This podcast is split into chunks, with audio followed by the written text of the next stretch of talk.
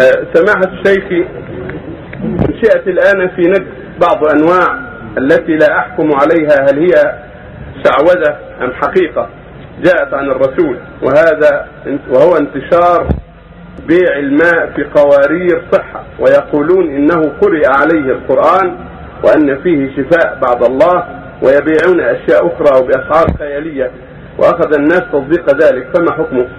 هذا بلغنا وبينا للأمير أن هذا يمنع من الرياض بلغنا منذ أشهر. بينا أنه يمنع يباع قوارير يزعم أنه قرئ فيها قراءة فيها بعض الناس حتى يعالج بها المرضى. قلنا هذا يمنع لأنه وسيلة إلى أن يفعلها كل واحد. ولكن أما كون المريض يقرأ عليه انسان أو يقرأ في ماء لا بأس. إذا كان مما يظن فيه الخير يقرأ في ماء. النبي قرأ في ماء لثابت بن قيس بن كماس وصبه عليه هذا لا بأس كون يقرأ في ماء أو في طعام لطلب الشفاء من الله عز وجل وان هذا الاسباب مثل ما يقرا على المريض نفسه وكان الرؤيا لا باس بها لكن هذا يمنع لأنه وسيله إلى التساهل في الأمور ويفعلها كل واحد